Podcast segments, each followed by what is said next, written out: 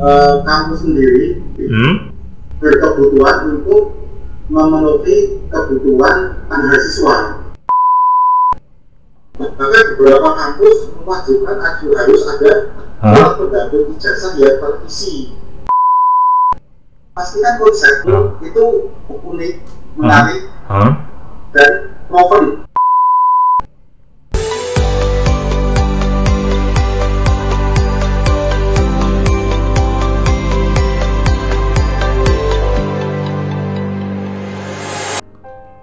Oke. Kak Eko merasakan nggak sih kalau pendidikan sekarang ini, khususnya pendidikan tinggi, itu seperti sudah dikomersialisasikan gitu?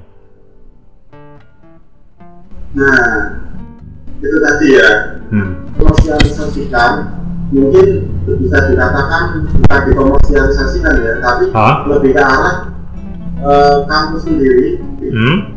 berkebutuhan untuk memenuhi kebutuhan mahasiswa. Hmm. Ya kan? Ya.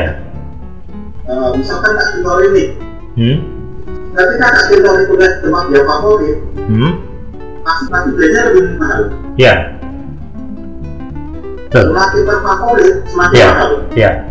Nah, ketika Kak Titori merasa memilih kuliah ke tempat dia terfavorit, itu tujuannya apa? Supaya kita punya branding, punya nama besar bahwa kita itu kuliah di tempat yang bagus. Dengan harapan ya kita akan keluar dengan bagus pula. gitu. Karena berasal dari kampus yang bagus. Ya. Gitu. Hmm. Nah, artinya gini, berarti kan Kak Titori harus punya fasilitas lebih saat kuliah. Ya. Nah, ketika kuliah harus jurusan kimia, Hmm. nah, kan? Ya. Kak Titori butuh branding lulusan kimia Hmm. lulusan kimia di fakultas biasa atau kampus biasa atau kampus yang murah-murah itu Hmm. biasanya dia tidak punya alat-alat yang mahal berbeda ketika Kak Timbori kuliah di kampus yang munafik nah misalkan alat-alat kimia ini Hmm. mahalnya bukan main. Ya. jadi dari situ bisa diirikan ya Hmm. maksud saya ketika mencegah Tintori memang ini ya memang butuh biaya lebih untuk nanti itu gitu. Hah? pengalaman melakukan analisa dengan alat A Hmm. dan alat B Hmm. nah itu bedanya jauh montir Ya. atau kuliah teknik atau teknik mesin Hmm. Bongkar mesin motor sama bongkar mesin pesawat terbang Ya. mahal mana Pesawat dong. nah berarti biaya yang dibutuhkan lebih mahal Pesawat. pesawat Ya. Nah, kalau mau dikatakan komersialisasi Hmm. ini cocok dengan bahasa ya kampus berusaha memenuhi kebutuhan saat ini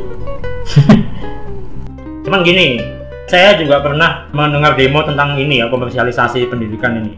Jadi dia mengadakan sesuatu yang seharusnya tidak perlu gitu, atau dimahal-mahalin atau diapain kan tujuannya ya buat memperkaya orang-orang di sana gitu, buat memperkaya lembaga ini. Dia menganggapnya kayak gitu. oh kalau masalah yang seperti itu monggo artinya maksud saya gitu loh Hmm. kalau itu kan subjektivitas pendemo ya Ya.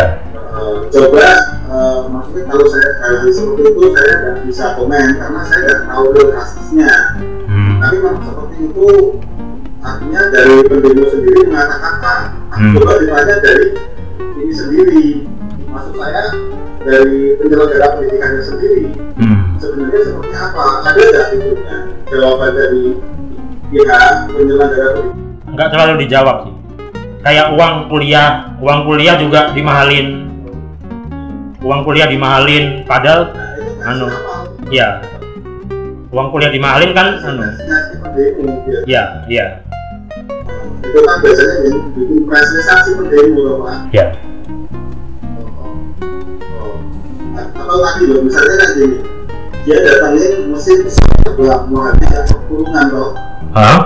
Nah, tujuan kampusnya itu apa? Baik kan? Tujuan Iya. kampusnya Iya. supaya mahasiswa belajarnya lebih hmm. tapi mahasiswa merasa itu nggak perlu gitu itu nggak ada. Iya iya iya. Nah itulah yang diadain sama kampusnya gitu loh. Mengadakan sesuatu yang sekiranya tidak perlu gitu. Artinya dianggap cuma dibuat bisnis doang nih. Nah, nah perkara itu kan artinya subjektif semua. Iya. Kalau subjektif semua kita susah di sini. Hmm. ya maksudnya dari universitas hmm? pengadaan apa mesin pesawat itu perlu. Ya. Kenapa? Selain nama buat belajar mahasiswa hmm? itu juga nanti investasi di kampus sendiri banyak Abu Sufri banyak sekali kan nanti iya iya misalkan Ya. kayak punya Kak Tintori misalkan kampusnya membeli satu alat untuk broadcasting komplit gitu ya. Iya iya dari luar negeri lagi dari luar negeri. Nah dari luar negeri lagi ya Kak Tintori proses itu nggak perlu gitu ya tapi bukan itu Oh, oh. cuman buat alat promosi aja gitu alat promosi kampus bahwa kampus kita sudah punya alat dari luar negeri padahal kita ini juga nggak make gitu Oh, kalau itu beda lagi nanti. Jadi Ya. ini, eh, saya lebih melihatnya seperti ini loh, Kak. Kak Kitori ini punya bapak ibu, gitu ya. hmm?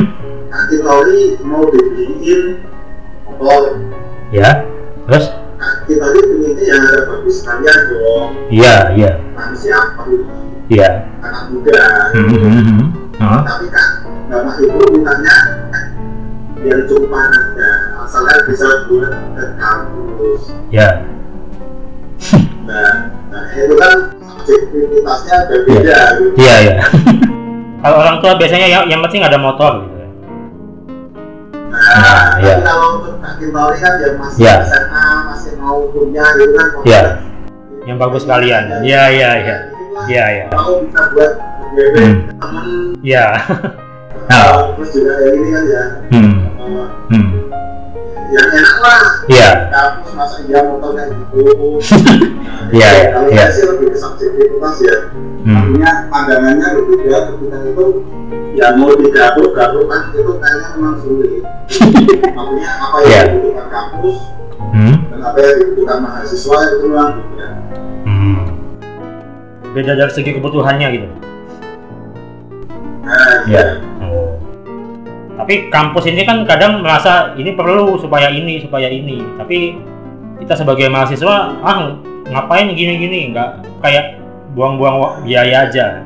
Masalahnya mahasiswa yang disuruh bayar gitu. Ya, mahasiswa yang disuruh bayar biasanya. Ya, iya.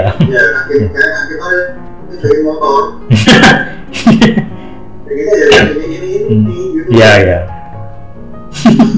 Kita sendiri untuk persaingan antar kampus atau persaingan antar mahasiswa mendapatkan seorang cewek kan Iya, iya, iya.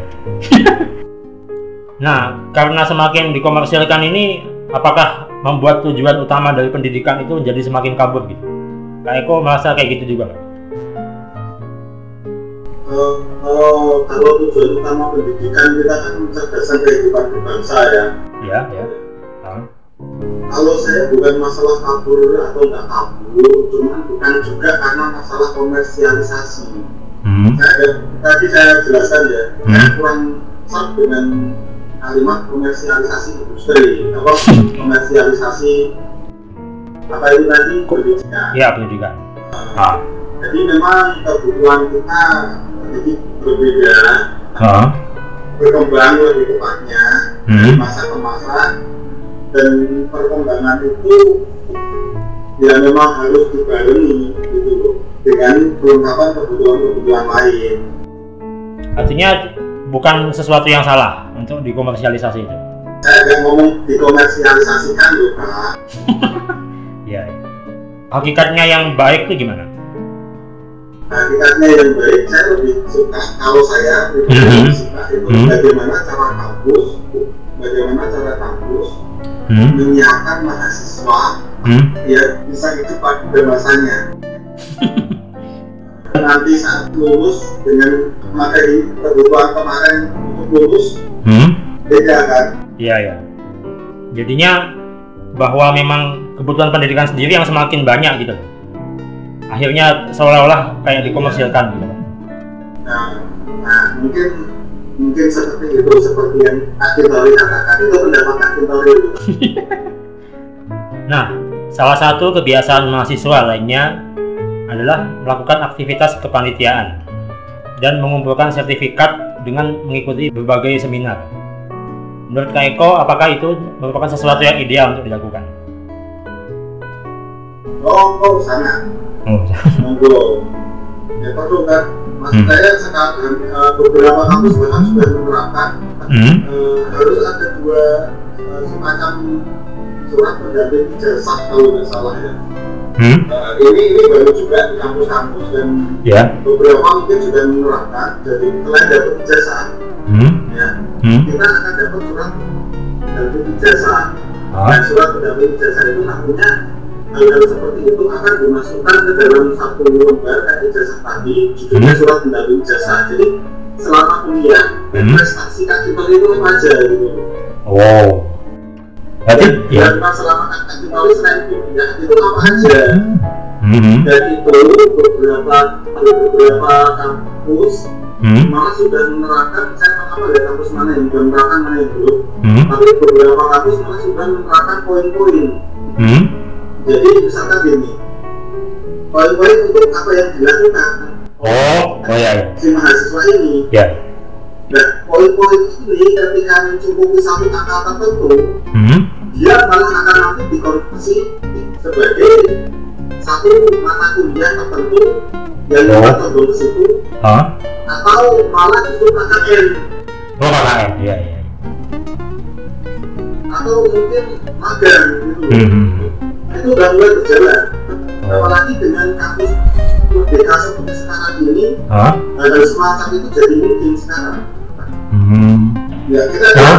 beruntung ya Ya. ada menteri yang masih muda dan masih Ya. ganteng Ya. artinya beberapa kegiatan tentang kampus Hmm. akan segera dimulai gitu kita menunggu juga semoga banyak hal-hal baik yang akan terjadi segera Amin. Jadi secara nggak langsung kampus pun sudah menyuruh mahasiswa untuk nggak cuma kuliah doang, loh. oh, ya ya kan? Hmm. Kuliah pulang, kuliah pulang, kuliah pulang, lulus, selesai kerja gitu kan? Nggak kayak gitu lagi kan?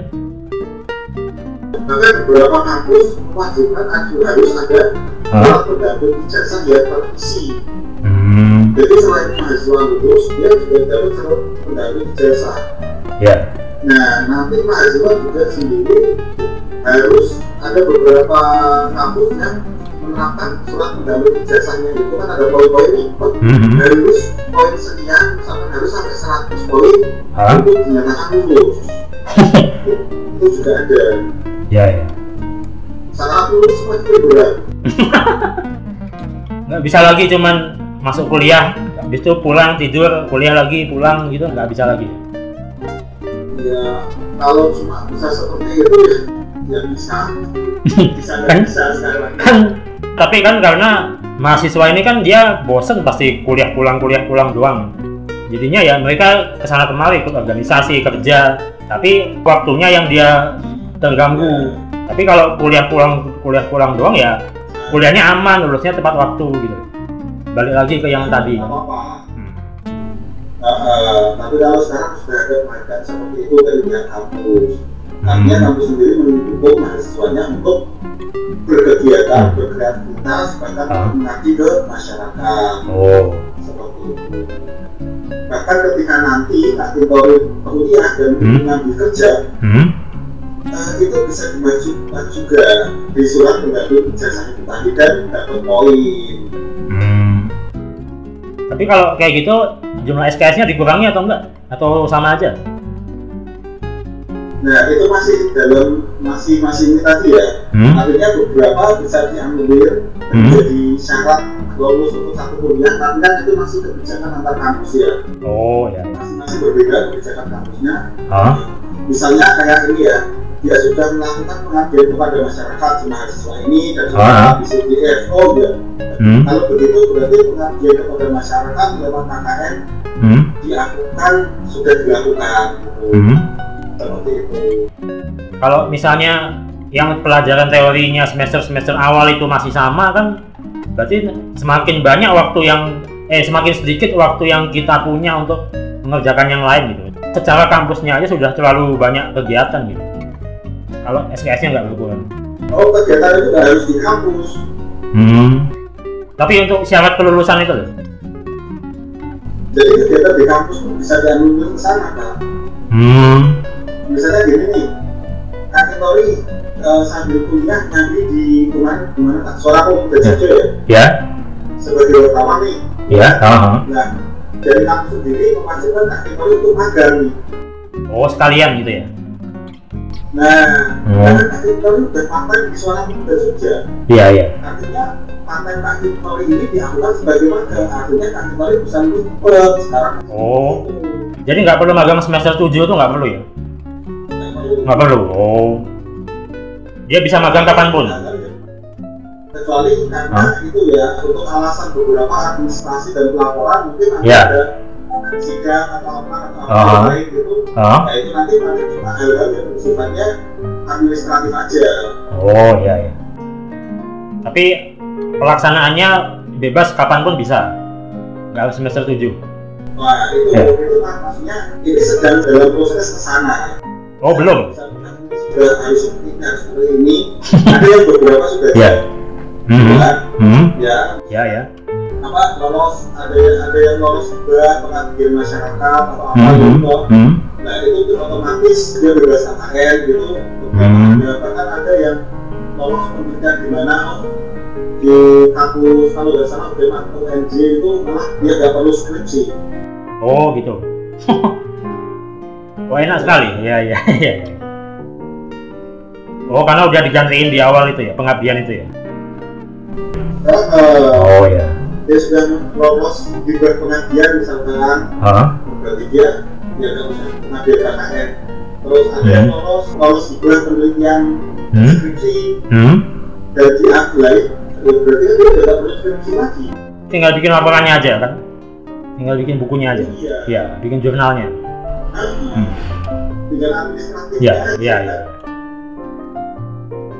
KTK kategori udah paten di suara Muda itu ya Hmm. salah satu yang masih ada belajar mungkin di relevansi Ya. kategori punya di podcast Hmm. ngambil paten di suara Muda Jogja nah, itu kan Iya. masih relate ya Ya. nah, itu nanti berarti kategori ngapain mau kita Iya betul. Iya. iya.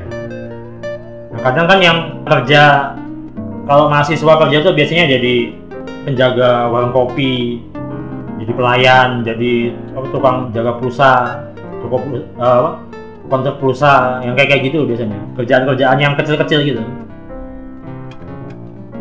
ya, yang itu maksudnya ada seperti itu kan bisa diakal-akalin kalau punya Iya. yang manajemen ya ya Hmm. ngomong aja ya di manajemennya baru kopi menggunakan ilmu manajemen Iya iya. atau kalau kopi gitu casting Hmm? baru kopi oh iya saya yang pegang akunnya kopi itu Iya iya.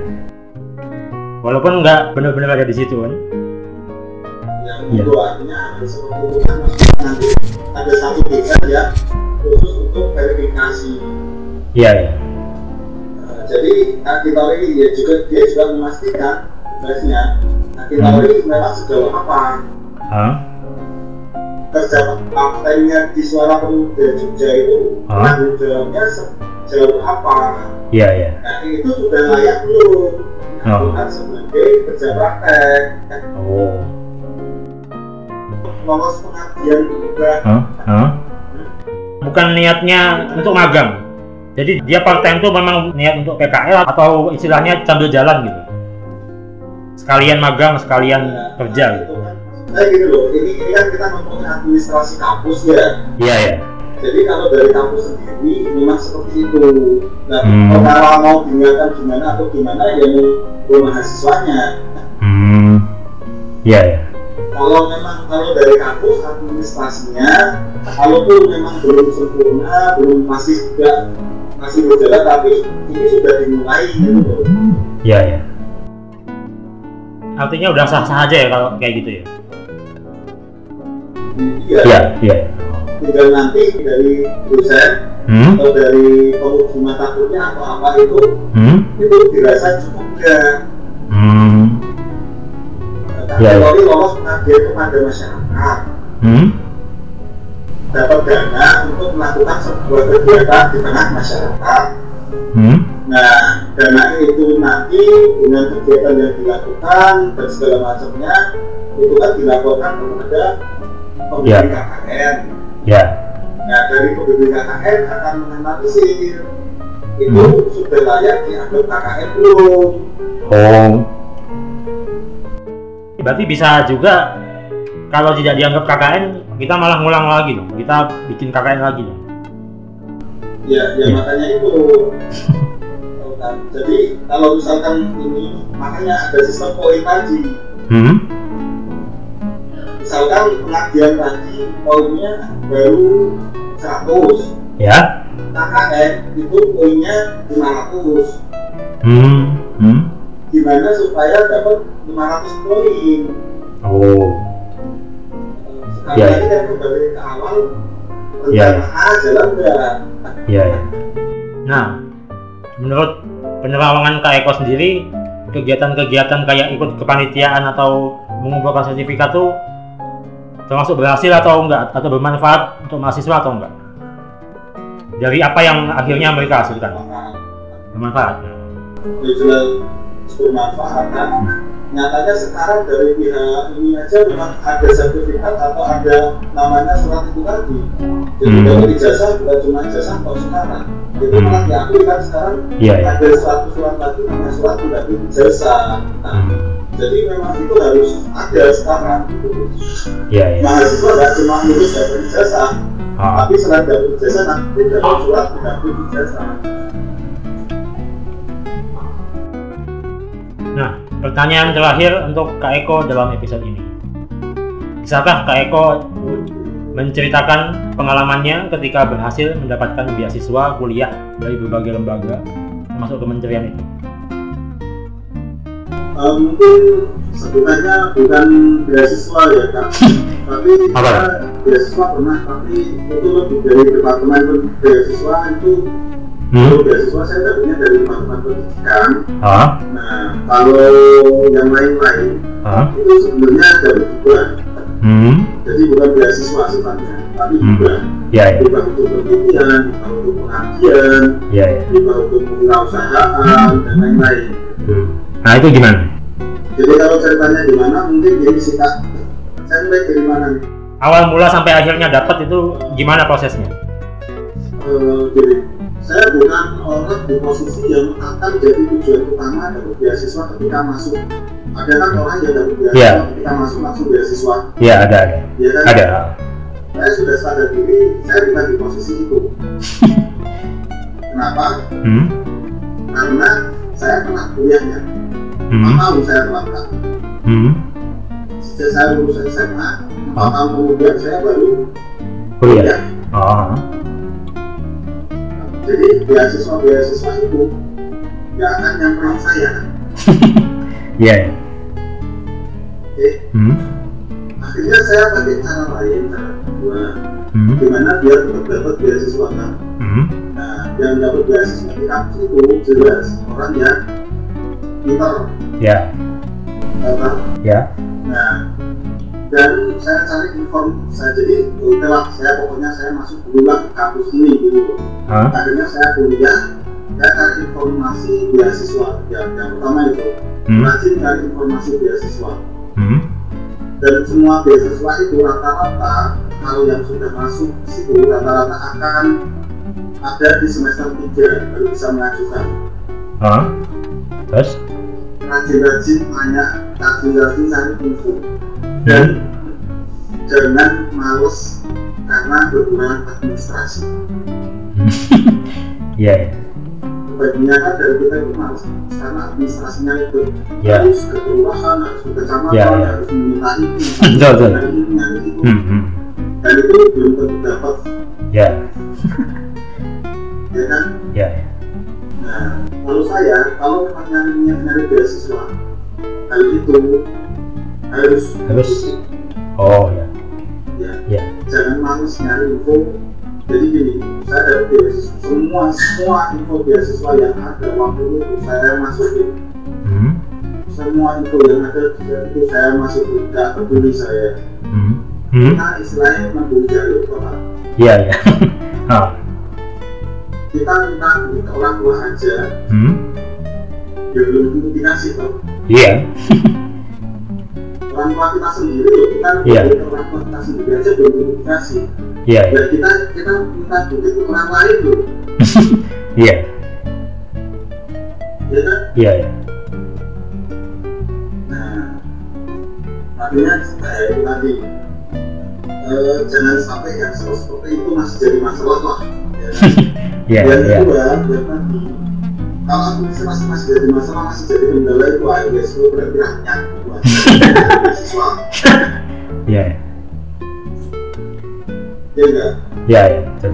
nah yang kedua biasanya kendalanya kan masalah di nilai Iya. nah, nah, eh, supaya kita peluangnya dapat beasiswa tinggi nilainya kita harus tinggi Hmm? nah semester 1 2 mati-matian coba kejar nilainya Hmm. jadi di semester 3 keluar nilai semester apa semester 3 itu keluar nilai nilainya 2000 Hmm. Kita punya bukti lah ya. nilai kita bagus Iya. uh, uh, ketika kita nilai bagus kita ngajuin beasiswa akan ada banyak Iya. Iya. Nah, sampai akhirnya dapat itu gimana pak? ya itu tadi jadi itu semester 3 saya langsung ngajuin beasiswa dapat kan Pakai seleksi nggak itu? ya pakai Pakai. Nah, seleksinya gimana? pakai dan seleksinya cuma seleksi berkas terus kita ajukan diajukan terus nanti dia udah diseleksi dari mana kita lihat seleksinya seperti apa akhirnya Hmm. keluar siapa yang dapat beasiswa siapa yang enggak kita tahu Hah? seleksi awal pasti dari IPK Iya. Iya. Selain IPK apa lagi seleksinya? Tahu nggak? Yang dinilai? administrasi kan Oh administrasi. kalau Hey. administrasi rendah IPK kita Hah? nyampe Hah? ya nggak masalah gitu jarang sih maksudnya ada beasiswa yang sampai wawancara ini itu dulu sebenarnya Oh. jarang sih sekarang dulu Oh. ngomong Artinya yang ibaratnya dia IPK-nya bagus dan administrasinya udah rapi, udah bener, belum tentu juga dia akan dapat kan? Iya belum tentu Nah, iya kan? belum tentu makanya itu sering-sering nyari Iya ya. saya nyari 10 kali ngajuin permohonan beasiswa 10 kali Hah? kalau satu itu alhamdulillah Hmm. nah ini orang-orang baru baru kirim satu berkas ngajuan dan ditolak udah Iya. Iya, iya. yang 10 kali ditolak Iya ya. Waktu itu yang ikut seleksi ada berapa orang? Berapa mahasiswa? hampir 3 ribuan yang didanai 300 Dari 3000 diambil 300. iya Iya. yang di kampus ya Oh. satu kampus kalau kategori dulu ini skemanya PT APBN kalau sempat dengar nah, itu, Iya, iya. itu kan sebulannya dua juta delapan ratus dan tahun pertama tahun kedua tiga ribu enam ratus tiga juta enam ratus setiap semester ya Ya. nah itu aku dulu bayangin kita maksudnya gini duit dua juta delapan ratus atau tiga juta enam ratus Hmm. selama satu semester artinya selama enam bulan ya Ya. ribu enam ratus dibagi enam berapa enam ratus 600 ribu. Ah. sebulan kan Ya. nah itu tahun 2000 berapa 2014 15 ya Ah. nah UMR Jogja waktu itu aja masih sekitar 900 Hmm. Hmm. dan saya dengan punya bener IPK bagus dapat 600 ribu per bulan nah gitu ya Iya, saya iya. punya bener kan Iya. iya. saya nyambi kerja Iya. iya. kerja maka kalau yang yang formal kerja aja gajinya 900 yang makan berapa? Iya. Iya. 300 kok Iya. Ha. per bulan Hmm. Iya. Iya. Yang waktu itu dapat hibah itu gimana? Oh, dapat riba, oh dapat riba itu ini ya. Jadi eh, kementerian banyak kementerian dari saya sampai agak lupa satu banyaknya. Hmm. Ada kementerian perindustrian, ada kementerian eh, pendidikan, ada kementerian koperasi, Hmm. Banyak ya kementerian di tempat kita. Nah, mereka sesekali kadang mereka buka peluang untuk hibah, biaya hibah. Hmm. kadang mengubah penelitian, kadang mengubah kewirausahaan, Hmm. ada hibah lagi kewirausahaan dan lain-lain banyak ya Iya ya. ya ketika dapat info itu saya langsung daftar dulu saya langsung ketentuan hibahnya seperti apa biasanya si pengaju penga- yang akan mengajukan hibah Hah? itu diminta untuk bikin proposal misalkan proposal usaha ya Ya ya. ya bikinnya proposal usaha Hmm. Waktu itu kayak kok bikinnya apa? Bikin proposal tentang apa? ada ya banyak itu ada beberapa yang usaha usaha juga ada Usaha. masyarakat juga ada penelitian juga ada Hmm.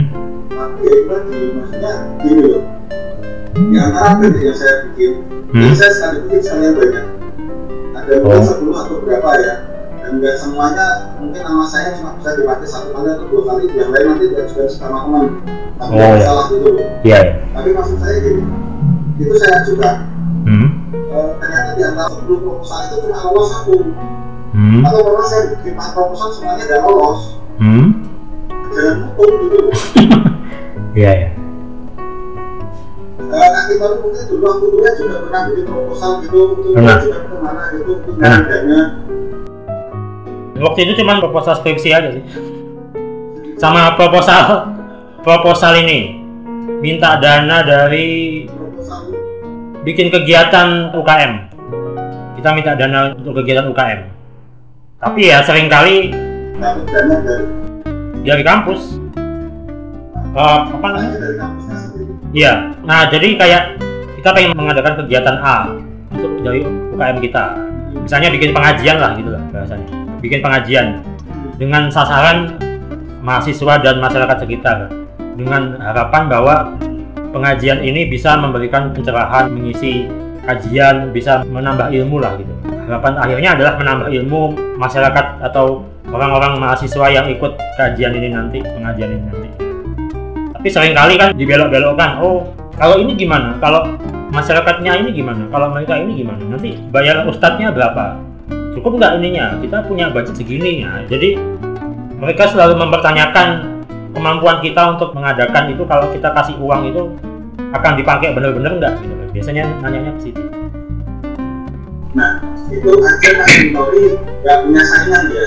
Iya nah bayangkan ketika saya mengajukan proposal itu saingan saya adalah seluruh Indonesia Hmm. yang meminta dana ke kementerian iya bayangkan saya harus bersaing dengan berapa ribu berapa puluh ribu Hmm. proposal yang juga masuk ke kementerian iya iya artinya kesempatannya cuma sedikit gitu iya Nah, sampai akhirnya dapat gimana?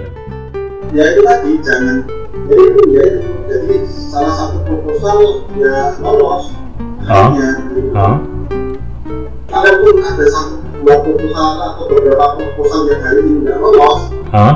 tahun depan Hmm? tahun depan saya perbaiki lagi saya ajukan lagi ke kementerian yang sama ya iya oh entah ke tempat yang sama entah ke tempat yang lain tapi ketika itu belum pernah didanai itu masih Hmm. boleh diajukan ketika dapat dana itu pihak pendana itu ngasih pertanyaan yang segala macam gitu nggak kalau misalnya kita kasih nih uang yang kamu minta sekian. Uangnya ini akan kamu gunakan ke sektor mana aja itu ada nggak sampai pertanyaan seperti itu? Waktu sebelum akhirnya dapat. Kalau di proposal itu memang standarnya sudah harus dicantumkan kan hmm jadi kita bikin proposal kegiatannya misalkan saya proposal usaha. Hah? proposal usaha yang mau bikin Iya. usaha. Ya. Eh, yang mau usahanya apa?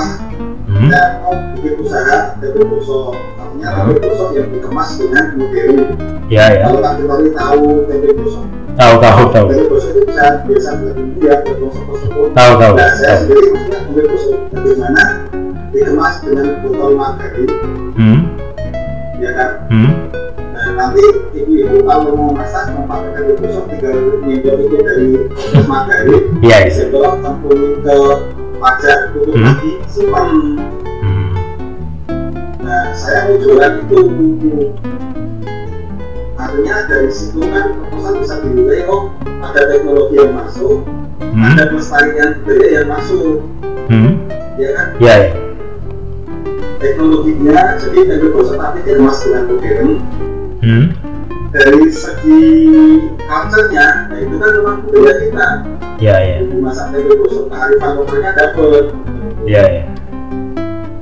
nah itu tujuan utamanya terus nanti bab kedua ada cara pembuatannya kurang lebih terus nanti ada susunan karyawannya Hmm. ada ini gajinya Hah? ada floating gajinya terus di samping lagi ada kebutuhan-kebutuhan misalkan dari gas, cuek, mutu, kopes, Hmm, iya, iya. di apa, di apa, sekian, sekian, sekian, sekian, itu semuanya ada habis itu ada break even point-nya Hmm. ada perhitungan labanya sekian, sekian, sekian kopes nanti harga jualnya kurang lebih sekian dan biaya labor biaya nopo pokoknya jatuhnya nanti kopes harganya sekian dan dijual dengan harga sekian berarti kita ukur sekian Hmm. dengan sekian itu nanti kalau sampai sekian penjualan atau sekian Hmm. bulan atau sekian tahun Hmm. berarti modelnya sudah balik Hmm. wah itu semuanya harus memang sudah harus ada di proposal kan harus jelas itu loh dan jadi dananya nanti kebutuhannya misalkan 11 juta 850 ribu rupiah Ya ya. peruntukannya masih masih jelas Hmm. jadi untuk ongkos bahkan ongkos materi ongkos administrasi itu ada semua Oh. untuk menggaji karyawan sekian Hmm.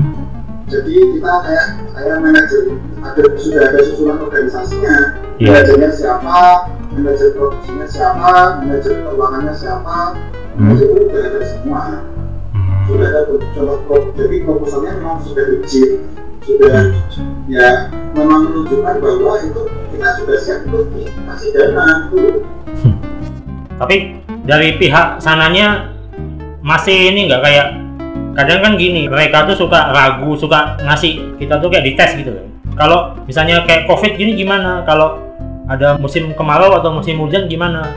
Jalannya gimana ini? Jadi dia nah, jadi pertanyaan-pertanyaan itu sudah Hmm. kita jawab di proposal udah ada semua. Udah. semua.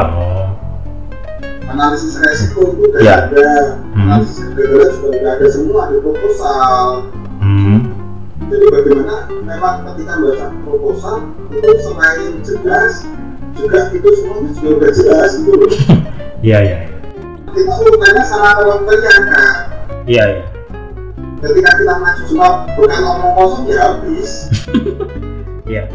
Nah untuk membuktikannya itu loh kan harus benar-benar dipakai sesuai peruntukan nih uangnya itu. Ah, Nah itu caranya kita meyakinkan bahwa ini akan benar-benar kita pakai itu itu kayak apa sampai akhirnya bisa dapat itu. enggak enggak enggak seperti itu konsepnya jadi kita ngajuin proposal nih Hmm? di proposal kita sudah jelas semuanya Hmm. kalau proposal kita disetujui dana akan langsung diarahkan ke kita Hmm. jadi dana langsung dicairkan jadi seleksi ya cuma seleksi proposal itu Tapi yang akhirnya menang itu gimana? Maksudnya gimana caranya akhirnya bisa menang dari sekian ribu atau dari 3000 itu sampai akhirnya terpilih 300 tuh apanya yang 300 itu yang sampai akhirnya mereka dapat itu? itu nanti kan beasiswa Oh iya beasiswa ya. Iya iya iya. iya. Uh, Hmm. kalau yang ini kan hibah Hmm. beda mana Kalau hibah ini dari berapa orang? Berapa peserta? Baru kemarin sih lupa, saya Yo, buat juga Ribuan juga. Nah itu kan caranya untuk bisa, ya nah, iya caranya untuk supaya dapat itu loh. Pasti kan ada yang beda. Nah, Nah, pasti kan konsep itu unik, menarik, Hah? dan novel. Oh iya iya. Bahwa semua yang akan terjadi itu udah siap semua gitu ya. Eh, Oh. itu satu, yang kedua, ya apa yang akan kamu bantu menarik. Misalkan Iya, ya, itu ini ini ide berapa puluh tahun, sepuluh tahun yang lalu yang punya berarti ya. Iya, iya. Saya membuat itu tadi tempe gosok yang dikemas modern gitu loh. Hmm. Itu kan baru ya. Iya iya. Bumbu tempe gosok tapi dikemas secara modern. Iya iya. Itu kan inovasinya ada, inovasi dan Hmm. kan beda. Iya iya. Satu lagi kemarin yang lolos juga saya bikin gini. pola pembelajaran anak artis dengan metode dan mutiara. Ya, ada ada ya, baru yang dimasukkan di situ ya. ada yang belum ada gitu dan Hmm. itu cuma relevan gitu dimasukkan Ya, ya. nah, nah, inovasi-inovasi baru yang ini jadi ketika kaki tori googling Hmm. dan di internet sudah ada yang melakukan hal itu Oh, nah itu berarti udah yakin udah sudah susah lolos harus ada yang beda gitu ya. Iya, iya. yang baru Yang baru ya, ya. Eh, jadi kalau udah ada di internet dan kaki tori cuma mau nyari referensi dari internet itu dan itu ternyata sudah ada di internet ayo wes mana Iya, iya. mana ini pun mana Iya. mana kreativitasmu Iya, iya. dari mahasiswa Ya, ya. ya banyak yang itu apa aku ngambil ide dari internet kan Ya, ya, betul. Nah, kalau cuma ngambil ide dari internet ini biasanya nggak lolos Oh, gitu. coba bayangkan Hmm. ide saya yang kayak tadi Oh, PP Boso tapi dikemas secara modern dari Jeris oh. nah itu idenya dari mana coba Dari pengalaman sehari-hari, dari nah dari beli di pasar gitu mungkin. dari pengalaman Iya. sehari-hari Ya, ya. Artinya memang lebih meyakinkan gitu ya kalau dari pengalaman sehari-hari ya, bukan dari Iya. searching ya. Ah, ah, ah, iya Ah, ah. Nah, bisakah Kak Eko juga sekalian memberikan tips kepada teman-teman semua yang mungkin juga sedang dalam upaya untuk mendapatkan beasiswa seperti itu?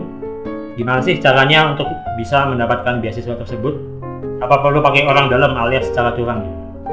Nah, kalau saya itu cara nah ini ya maksudnya biar pastikan dulu punya beasiswanya itu yang seperti apa sesuai yang apa enggak Hmm. terus juga yang pertama yang kedua yang dicari itu beasiswa itu yang seperti apa orangnya Hmm. Terus jangan males administrasi jangan Iya, iya. cari info itu aja Hmm. biasanya cuma kendalanya ah males ah administrasinya terlalu gelap selapis terlalu ikut ini ya Iya, iya. ya memang kita eh, sadar sadar diri Hmm. kamu udah minta duit ke orang tua gitu Iya, sadar diri aja bahwa kamu udah minta duit ke orang tua iya. orang tua aja belum dikasih jadi duit sama orang Iya, ya wajar iya, iya. Yang mau minta duit juga banyak gitu ya. nah, Hmm. kamu minta Iya. 10 kali dari 10 10 omongan beasiswa kamu itu kamu lolos satu itu udah bagus Iya, iya, iya. Perlu pakai orang dalam atau cara curang nggak? Ada trik seperti itu nggak? Hmm, enggak sih. Kalau saya nggak pernah pakai yang seperti itu. Iya, iya. karena ya ngapain gitu. Hmm. sekarang kebanyakan apalagi ya, triknya. Jadi dia kan by sistem ya semuanya. Dia langsung Ya. seleksi oleh sistem kan. Ah, jadi orang dalam juga bisa apa. Paling karena udah kenal gitu, jadi nggak usah ini dah langsung dah saya kasih. Dia jadi stepnya melompat gitu. Melompat di step yang seharusnya gitu. Sih kak yang seperti itu Oh, ya ya kalaupun mungkin ada saya nggak pernah ketemu langsung ya, seperti itu. Hmm, ya ya Nah, terus juga kalau ya nggak baik lah kayak gitu. Maksudnya eh, semuanya betul semuanya juga ini beasiswa kita Hmm. fair lah mainnya. Ya ya karena memang kalau kita pakai cara fair gitu ya eh, lama susah makan waktu dan kita udah capek duluan gitu. Kalau saya lebih cenderung ke situ artinya kita nggak punya ini juga. Kalaupun suruh memilih saya memilih ya seperti itu. Kenapa? Saya nggak punya beban untuk balas jasa ya ya ah kita nggak ya punya kita nggak punya utang budi. Ya ya kita nggak punya dosa. Itu boleh kan iya iya sih Iya. biasa harus layak dapat beasiswa daripada kita itu iya ya Eh, sumpahnya dia nanti kalau yang kita bahagia loh Iya sih. Tapi kan tidak bisa dipungkiri bahwa hal itu tuh kayaknya tetap ada di sekitar kita tuh kayaknya bukan tidak mungkin itu ada juga gitu. Nah, kalau saya nggak pernah menemui sejauh ini saya nyari beasiswa saat ini saya lolos juga Hmm. saya belum pernah menemui ya Hmm. saya cari yang lurus-lurus saja bahkan Hmm. itu ya itu tadi 10 kali minta belum tentu dikasih ya nggak masalah orang mindsetnya kita kita nggak minta ke orang tua minta ke orang Iya. tua aja nggak perlu dikasih apalagi minta ke orang gitu loh Iya ya. Oke luar biasa Kak Eko. Baiklah guys, obrolan kita tentang dunia perkuliahan kita cukupkan dulu sampai di sini. Saya ucapkan terima kasih kepada Kak Eko Junianto karena telah bersedia menjadi bintang tamu saya di podcast sebuah asa hari ini. Semoga Kak Eko nggak bosan-bosan untuk terus jadi bintang tamu ini. oh siap saya semoga sukses untuk podcastnya ya kak Terima kasih, amin. banyak follower dan lain-lainnya Amin. Terima kasih. Dan akhir kata, saya Aska Kintori dan dan saya Eko Julianto Kami berdua pamit dari hadapan Anda semua dan sampai jumpa. sampai jumpa. Terima kasih. Kak Timori Terima kasih.